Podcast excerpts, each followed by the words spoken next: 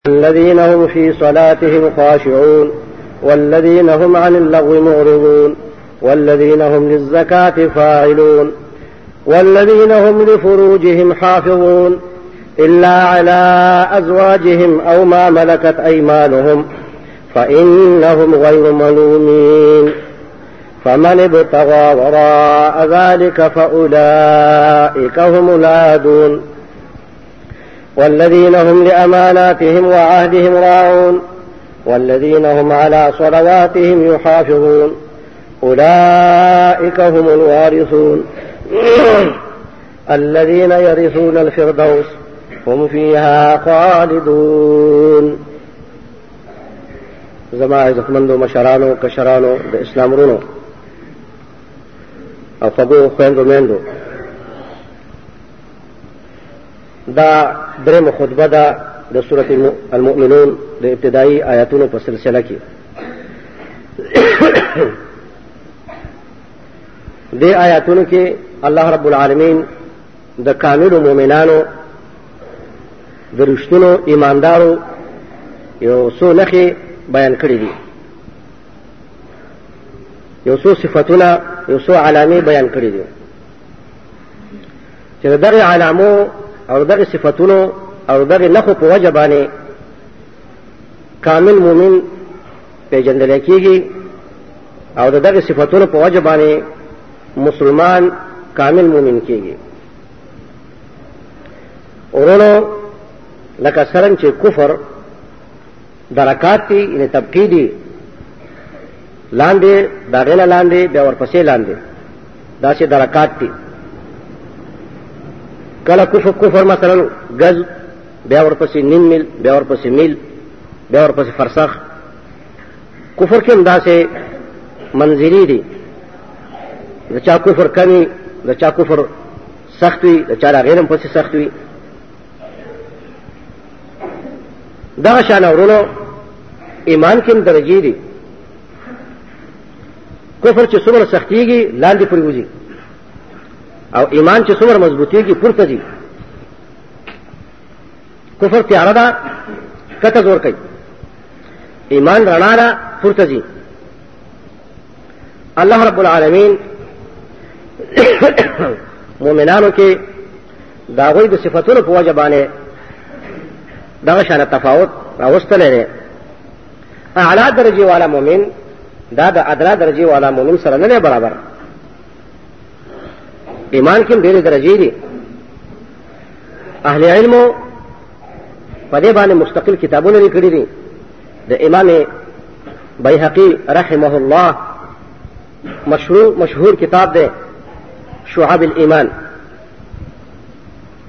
دا غي اختصار مشوي دي نور علماء د ایمان په خاخونو څنګه باندې کتابونه لیکلي دي او په دې باره کې معروف مشهور حدیث دی چې سره پاسه او یا څنګه دي د ایمان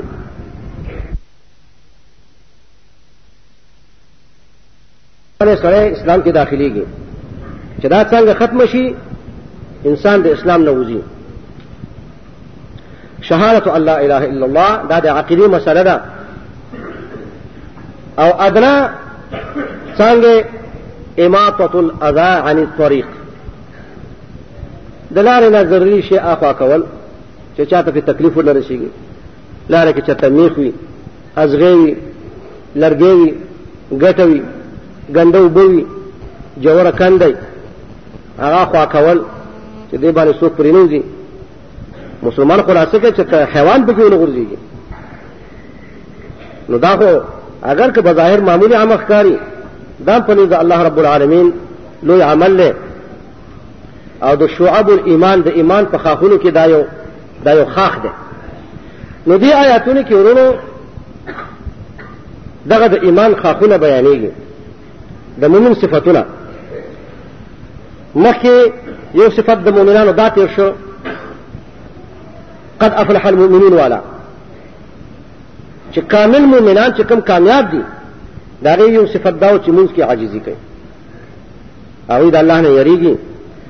هغه چې د رسمي مون نه کوي هغه شرعي مون کوي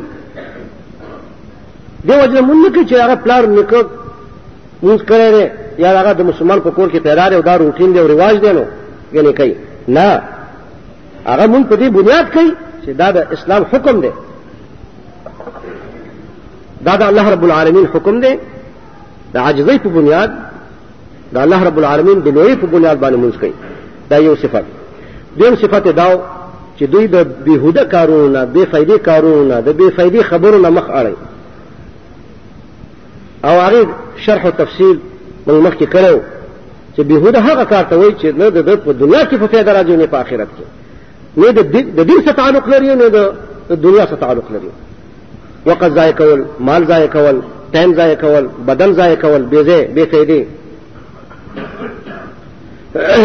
دا ټول په دې لغو کې داخل دي چې جای کې چلا هغه نمیمي چغلخوري غیبت وي کذب بیاني ابه لا چې په الله پاک باندې دروغ وي ابه لا چې په نبی عليه الصلاه والسلام باندې دروغ وي بعض خلکو د نیکۍ داسې لارې اختیار کړې دي چې د هغوی په لار کې سوا د نبی علیه الصلاة والسلام باندې دروغ ویلو نه بل پروګرام نشته دی داسې منهجي کتابونه یې لیکلي دي د مسلمانانو د اصلاح دپاره چې د هغې بنیاد په دې باندې دی چې په هغې کې نبی علیه الصلاة والسلام باندې کذب بیانې او تقول او دروغ دي نو دغه د اصلاح لارې نه دي دا د لغوې لارې دي یا پکې عقاید داسي چې هغه د شهادت الله اله الا الله سره منافي وي مضاد وي هغه د هلاکت او د تباہي او د غوايت لارې دي هغه د هدایت لارې نه دي هغه د اصلاح لارې نه دي هغه د فساد او د افساد لارې دي هغه د ضلال او د اضلال لارې دي ورونو چې په یو مجلس کې په نبی عليه الصلاه والسلام باندې کذب بیان کیږي هغه باندې تقول کیږي چې دا د الله پیغمبر دا ویلي دي هغه مجلس کې به څه خیر هغه شیطانی مجلس دی هغه به رحمانی مجلس نه دی دا ټول لغو بهوده خبرې دي دغه دویم صفت چې د لغو نه ځان ساتي او په دې سلسله کې هغه خلک هم په لغو کې داخل دي ورونو چې مسله ثابتوي مسله وی غلطه د هغې د ثابتولو دپاره په نبي علیه الصلاة والسلام باندې دروغ وایي یا یو آیت کریمه کې مراد نه وایي الله دا ویلي دی د دین غد دروغ دنیا کې بیا نشته دی ځکه دا تقول علی الله دی او یا په د جهل په بنیاد باندې خطا ورکوي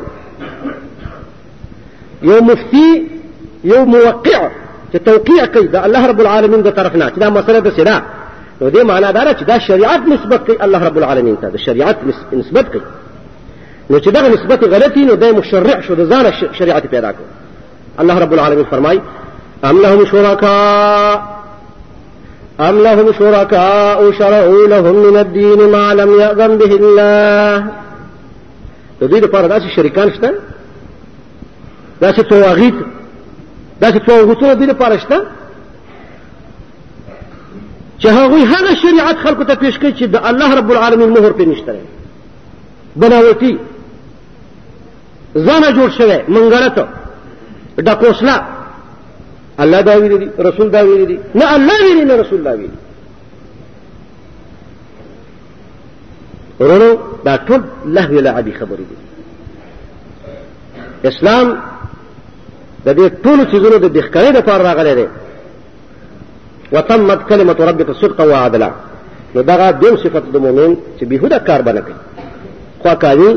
خوا که مولای خوا که ښځی خوا که نر وي دا د هغه فرض دی چې بهوده کار بنه کوي بهوده کار شروع کو نو هغومره ایمان ناقص شو څومره چې هغه بهوده کار وکړو څومره چې دی بعد او څومره چې دی لرې وځي د کتاب و سنت نه هغومره د ده ایمان ناقص کېږي همغې درجې باندې حتی کې چې د ایمان نه بېوځي کفر ته لاړ شي ځکه معاصي معصیتونه ګناهونه او بدعتونه دا د کفر او د شرک چې دی پل دی نو هغه ته بیا سره ځي دریم صفت زکات ورونو چې زکات ورکوي مؤمنان او هغه ما داغه تفصیل کړو چې زکات نه مراد یا مالی زکات ته اگر چې صورت مکی دی اصل زکات لکه څنګه چې محدثین او مفسرین او اهل سیر دا ویلي دي چې اصل زکات په مکه کې فرض و تفصيلات تو کې خبره لا نه شي ویلې او یا مراد د زکات نه عام معنا مراد ده چې خوا د زکات د مال زکات وي که د عقیدې زکات وي که د نفس زکات وي تزکیه نفس چې ورته وایي د زړونو مرض ویستل مونږ کې د زړونو ډېر مرضونه دي ورونو اهل علم په دې باندې مستقل کتابونه لیکلي دي امراض القلوب حسد کینه بغض دوکا خیانت ګیره خریر یا لنډول ابه چې لا طالب یو بل چې مدرس وي هغه لپاره به ډېر شرم دی چې طالب العلم هغه چې دی د مسلمانانو تبرعات او چنده او خیر او خیرات زکاتونه خوري او هغه خپله ګیره درسته نه کړي نو دا خو ډېر د شرم خبره ده دې وجه نه ورونو څومره چې انسان اسلام کې درجه لري هغه مرغه لپاره زیات احتیاط پکار دی نو زکات مراد عام معنا ده تزکیه نفس زړه امراض رنه وشتل دا یې دریم صفت و څلورم صفت دا و چې خپل اندام محفوظ ساتي ښځه یو که نر وي یعنې د زنا او د زنا چې کوم اسباب دي هغې نه ځان ساتي په دې کې زنا هم داخله ده چې زنا نه کوي بې حیایي نه کوي بې ستري نه کوي بې پردګي نه کوي او د شهوت چې کوم لارې الله رب العالمین جائز مقرر کړي دي موږ دپاره چې هغه نکاح ده د هغې نه علاوه بله لار نه استعمالوي یو نکاح ده چې ازادې ښځې سره سړی وکړي نکاح او یو وینده ده چې پیسو باندې یې اخیستي یا تا ته په ملک کې واقع شوي دا مرګره یې ښکوي ده وښه تا ته په ملک کې داخل راغلي وینځه یاره یو پیسو اخیستي یا ته میراث کې پاتې شي یا ته چا ته بخلي وي خو چې ته د هغې مالک یې نو هغه ستا ملک دی هغې ته بیا د نکاح ضرورت نشته دی جایز شهوت د هغې په وجه باندې ته پوره کولی شي ځکه الله رب العالمین فرمایي او ما ملکت ایمانهم دین علاوه چې څه لاره ده هغه ټول لارې حرامې دي ورونو د دې نس په وجه باندې حرامې قطعي دي خو استمنا بالیت ده لاس باندې یا نور ذریعو باندې یا چې زنانه چې غلط قدم او غلط اختیار کوي لار اختیاروي ټول لارې چې کوم دی فاسدې دي د دې وجه نه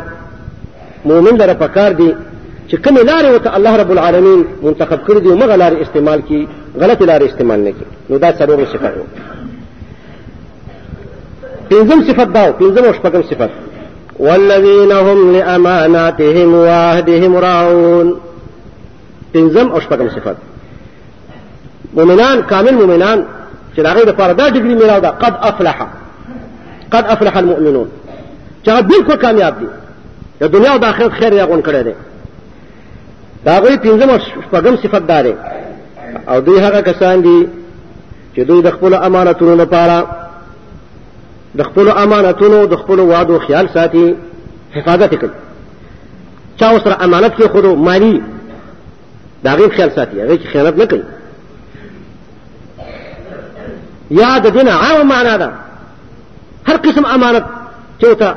وسپارل شو دا غیر خیال ساتي دا غیر مسؤلیت لري الله رب العالمین د خوانه دا دین قرآن اسلام حدیث دا ټول چې کوم سفر آیو د اسلام دي دا ټول موږ ته امانت ده زموږ خپل بدنونه موږ سره امانت دی زموږ اولاد بچي زنانا دا ټول زموږ موږ ته امانت دی د الله رب العالمین د طرف نه په کار دا نه ده چې دا موږ ځای کو یو انسان چې په خپل پنځه وخت مونږ کوي ورو هغه بچی خیال نه ساتي بچی دوفري جوړګري شرابي کبابي وي د موږ خیر نه ساتي نو دا پلار یو ماخوذ دی په دې باندې ځکه چې د په امانت کې خیانت کړی دی بچی باندې غلط تعلیم کوي دین طرف ته نه راغب کوي نو دې پلار په دې بچی په باره کې خیانت وکړو امانت یې پوره نه کړو امانت یې ضایع کړو امانت معنا عامه ده څه چې تا باندې حقوق دي دا به ورکې دا به ادا کوې ورونو ښځه د خاون حقوق نه ادا کوي نو دغه زنانه امانت پوره نه کوي بچی نه د پلار حقوق یې پوره نه کړل د پلار احترام نه کوي د پلار خدمت نه کوي د پلار ته نفقه نه ورکوي پلار ورباندې محنتونه کړي دي دی چې زلمی شو سنډا شو غټ شو پلار پروا نه ساتي نو دی خائن دی د امانت کې خیانت وکړو اما د مال او دنیا سره چې کوم امانتونه متعلق دي هغه خو پکې دي دي د مال په باره کې چې چا سره کېښود هغه خو بې دی هغه خو پکې شامل دی ورونو مؤمن خائن نشي جوړېدی ځکه خیانت چې دی دا د منافقینو د مشهورو صفتونو کې یو صفت دی دغه شان وعده ماته ورونه موږ خپل رب سره وعده کړې دي الله رب العالمین موږ له پخوا وعده غوښتې دي کله چې موږ دې عالم ته لا نور راځي کړي موږ وعده غوښتې دي الست بربکم قالوا بلى الله رب العالمین او فرمایل جستا سو رب نیم په دې یو ټکی کې ټول اسلام وعده شو الله رب العالمین مونږ ته فرمایل چې جستا سو رب نیم ټول ور مونږ ټول بلا ولینه تزمن ربي اے الله تزمن ربي قانون به دربي دین به دربي احکام به دربي شریعت به دربي د هغه چا خبره ومنل کېږي چې د رب سفیر وي چې د رب پیغمبر وي د هغه اطاعت به په ټول باندې مقدمې مخکې به وي د هغه د حکم مطابق به چلېږو دا ټول د جون زندگی چې کومه ده د دې دنیا او د حیات دې کې چې کوم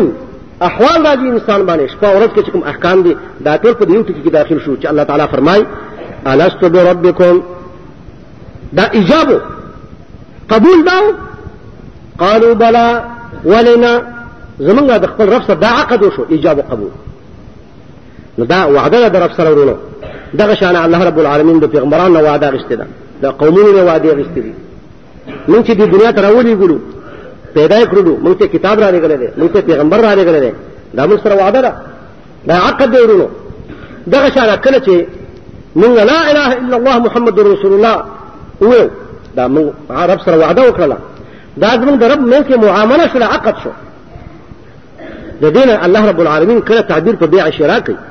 دا خرید فروخ دی رب سره دا خرید و فروخت دی دا ډیر عظیم تجارت ته کچا دا پوره کو الله تعالی فرمای فاستبشروا ببيعكم الذي بايعتم به دا کوم بيع شراء خرید فروخت چې تاسو رب سره وکړو دا معامله تاسو دې باندې خوشخبری حاصله کې خوشاله شئ خوشاله شئ په دې باندې تاسو ته دې دې خوشخبری تاسو په دې باندې خوشاله اوسئ دا ډېر عظیم تجارت دی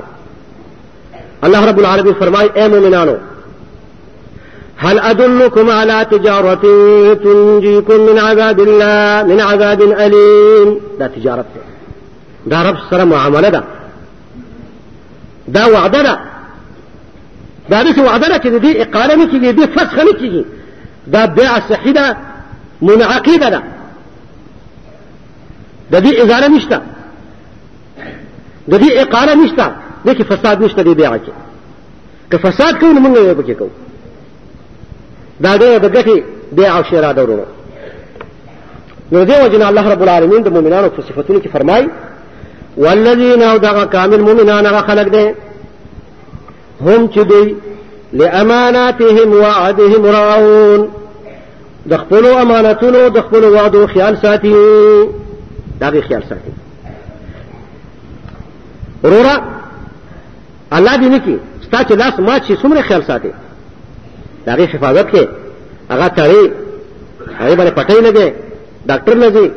دوایي غمې کې تر دې چې جوړ شي دې ته وایي خیال ساتل غم کول اهتمام کول دین باندې څومره غم کې وروره د دین لپاره څومره تفتیش کې اول خو مسلمانان چې دي د افسوس سره دا خبره مونږ وایو اکثر مسلمانان چې دي متدین نه دي دیندار نه دي دیندار طبقه پکې ډېره کمه ده او چې کوم دیندار دي اکثر اهل بدع دي اخلاص به لري د الله عبادت به کوي بندگی به درب کوي آخرت به غواړي جنت به غواړي لیکن طریقه به هغه اختیار کړي چې هغه درب لار نه ده د اهل بدعو لار به اختیار کړي کومه لار چې د پیغمبرانو د طرف نه راغلي ده هغه خودلې ده هغه لار نه اختیار کړي د چاویری ماویری د پلارو نیکو قوم قبیله د جهالت لارې د ګمراهۍ لارې اختیار کړې دي او هغې ته دین وایي دا طبقه په مسلمانانو کې اکثره طبقه ده په دینداره طبقه کې اول خو اکثر دینداره نه دي کم پکې دینداره دي په دیندارو کې بیا اکثر اهل بدع دي ورونو او چې کم چې د سنت تابعدار دي اهل سنت هغه ډېر کم دي اقل قليل هغه ډېر زیات کم دي دا یو بل مشکل پیښ دی مسلمانانو ته د دې وجه نه هغه لار اختیارول پکار دي کومه لاره چې د الله رب العالمین د طرف نه د هغه سفیرانو راوړې ده چې هغه پیغمبران علیهم الصلات والسلام دي هغه لار اختیارول پکار دي او په دې امت کې یو لار ده د نور پیغمبرانو لار به کار نه کوي هغه صرف هغه لار ده کوم چې محمد صلی الله علیه و آله وسلم راوړې ده د الله رب العالمین د طرف نه د بل امام لار نه چریږي د بل پیغمبر لار نه چریږي د بل مرشد لار نه چریږي د بل پیر فقیر لار نه چریږي د بل استاد شیخ لار نه چریږي هغه لار چریږي کوم چې محمد مصطفی صلی الله علیه و آله وسلم لار ده هغه چریږي دا صفاتونه چې الله رب العالمین د مؤمنانو بیانوي تاسو په دې باندې پوه شئ چې د دې برزید صفاتونه چې دي دا د منافقانو دي نبی صلی الله علیه و آله وسلم فرمایي آیت المنافق ثلاث د منافق صفتونه درې دي نشانې نخې درې دي واضح نخې چې تاسو دې جنئ اذا حدث كذب کله چې خبرې کوي درو وایي دا خلاره دنیا په لین دین کې چې جای کې چې هغه د منبر په سر باندې الله رسول باندې درو وایي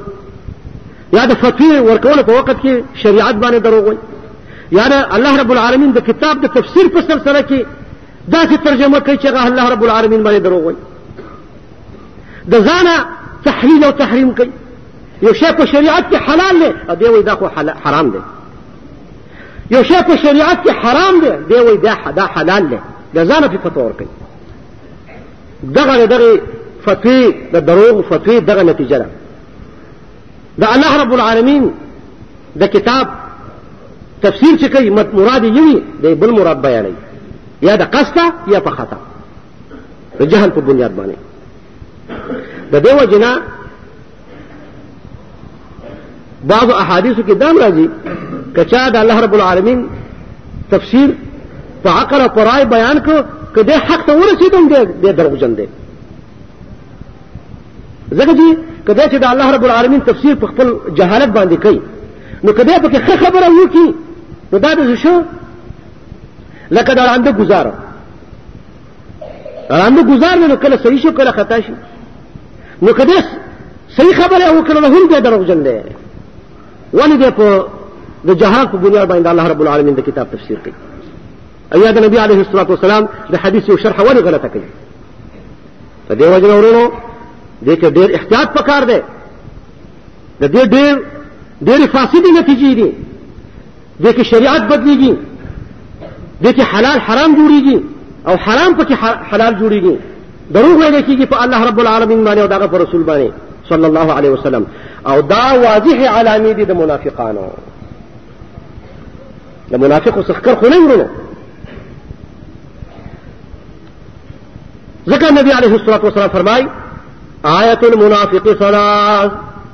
د منافق نشانی دری دی اذا حدث کذب چې خبرې کوي دروغ وای و اذا وعد اخلف او چې وعده وکي ماتي و اذا من خان او کله چې ورته امانت وسپارل شي مؤتمن وګرځول شي امانت ورته وسپارل شي وسپارل شي خو دیني امانت وي قرآني امانت وي حدیثي امانت وي مالي امانت وي جاني امانت وي تدریس وي هر لحاظ ته یو عهده یو کرسۍ ورته حواله شي یو منصب ورته حواله شي هغه پوره نه ادا کوي یو ډیوټي ورته حواله شي یو ځای باندې امین وګرځول شي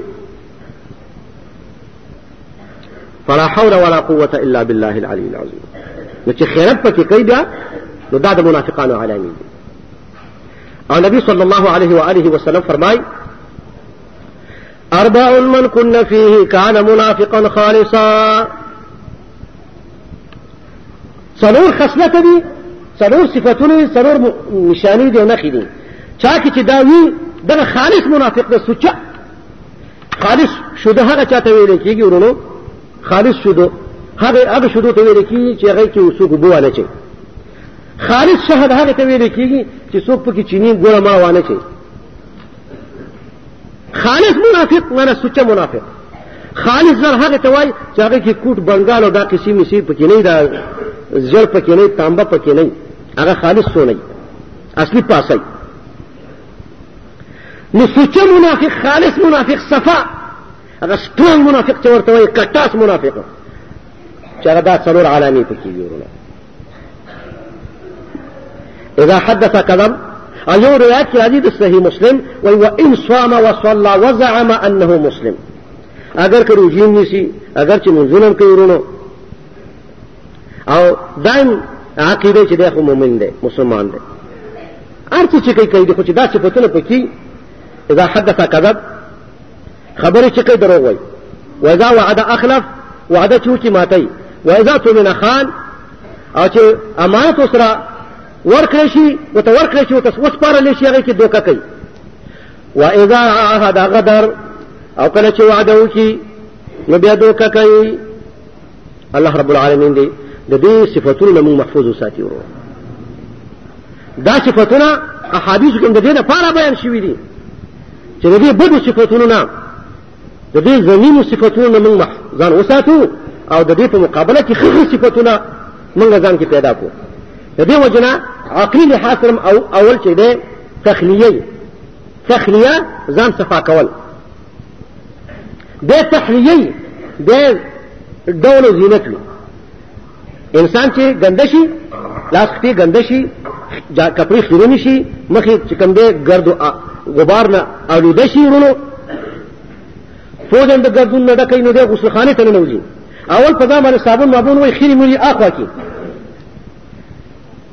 ا خچن او ګنده چې هغه ګندګي او خچنی ځان نه اخوا کی داګه نه بعد کې کپڑے واغندي بیا چې رانجو پوری کی ډولی شي مزیدار شي نو اول تخلیه د ګنده ځان صفا کی بیا تحلیه بیا کاله واچي ځان صفا کی نو دغه شانه دا چې زونه لکه څنګه چې په محسوسو کارونو کې دي دغه شانه په معنوي کارونو کې هم دي د زمینو زمینو اخلاق ور پکار چې موږ ځان وساتو ځان ځان صفا کو دا تخلیه ده او خو خو اخلاق چې دي چې کوم شریعت موږ ته قدرت د کمال اخلاق صفات کمالیه دي شرعي صفات دي پکار دارا چې هغه موږ په ځان کې پیدا کو نو دا د مؤمن صفاتونه دي دا شروع دي شپږ صفاتونه څلور صفاتونه مخکې تیر شو او پنځم صفت دار چې امانت کی خیانت نه کوي امانتونه پوره کوي او شپږم صفت دار چې کوم وعده کړی هغه وعده باندې پابند دي خو هغه د الله رب العالمین او د په منځ کې وي خو هغه د پلار او د بچی په منځ کې وي د خځې او د خاون په منځ کې وي د قوم او د بادشاہ په منځ کې وي راعي او د رعیت په منځ کې وي د مدرسې مشر د مدرس او د طالب په منځ کې وي د مدرس او د طالبانو په منځ کې وي دا ټول وعدې دي ورونو دا وعدې پوره کول پکار دي هر سړي له پکار داري چې خپل ډیوټي په صداقت او په ایمانداري باندې وچلي او د منافقینو د صفاتو نه ځان بچ کی او د کوم چې د کامل مؤمنانو صفاتونه دي هغه په ځان کې پیدا کی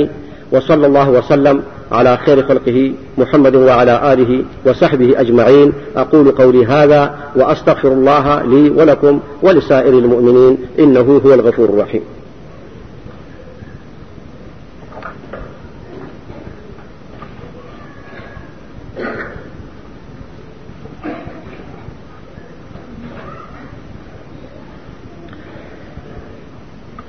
إن الحمد لله نحمده ونستعينه ونستغفره ونؤمن به ونتوكل عليه ونعوذ بالله من شرور أنفسنا ومن سيئات أعمالنا من يهده الله فلا مضل له ومن يضلله فلا هادي له ونشهد أن لا إله إلا الله وحده لا شريك له ونشهد أن محمدا عبده ورسوله